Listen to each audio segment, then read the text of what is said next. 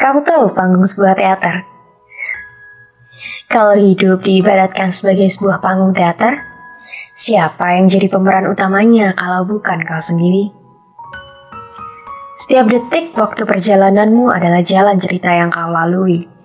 Hingga di satu keadaan, akhirnya kau pun menyadari bahwa hari terus berganti hari.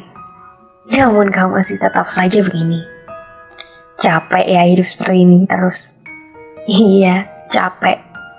Kalau kau masih saja membandingkan dirimu, membandingkan hidupmu dengan hidup orang lain. Jika kau masih menganggap semua tentang kompetisi, di mana kau harus terus menang dan menang. Coba tenangkan diri lebih dulu, lalu lihatlah kembali. Ingatlah bahwa kau hidup di atas panggung pentasmu sendiri Jangan coba tinggalkan panggungmu untuk terus melihat panggung milik orang lain. Tentu boleh sesekali kau mengintip panggung mereka, yang tujuannya tentu saja baik, yaitu sebagai refleksi bagi diri kita.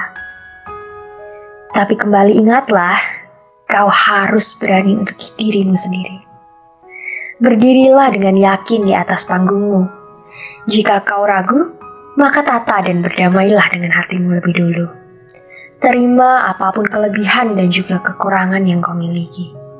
Sudah cukup untuk terus membandingkan diri. Yakinlah bahwa dirimu sudah melakukan yang terbaik. Karena hidup tak hanya soal siapa yang paling berperan.